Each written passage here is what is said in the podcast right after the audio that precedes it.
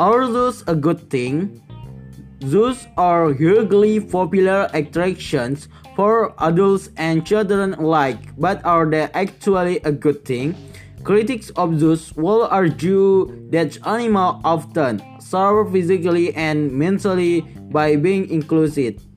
Even the best artificial environments cannot come close to matching the speech diversity and freedom that animals have in their natural habitats.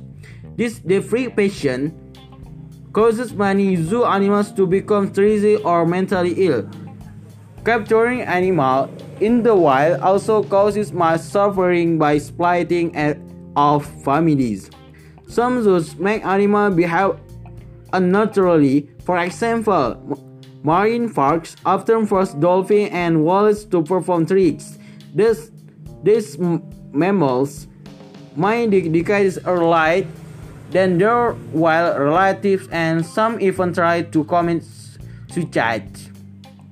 On the other hand, by bringing people and animals together, zoos have the potential to educate the public about conservation issues and inspire people to protect animals and their habitat.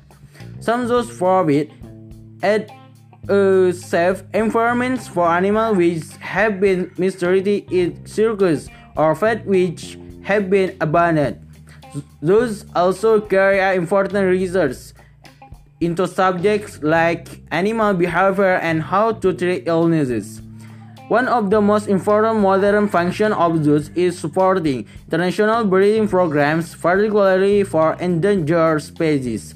In the wild, some of the rare species have difficulty in finding match and breeding, and they might also threatened by poachers, loss of their habitat and predators. A good zoo will enable the species to live and breed in a secure environment in addition, as number of some wild species drop, there is an increased danger of population become too genetically similar. Breeding program provide a safeguard. The bred animals can be released into the wild to increase genetic diversity.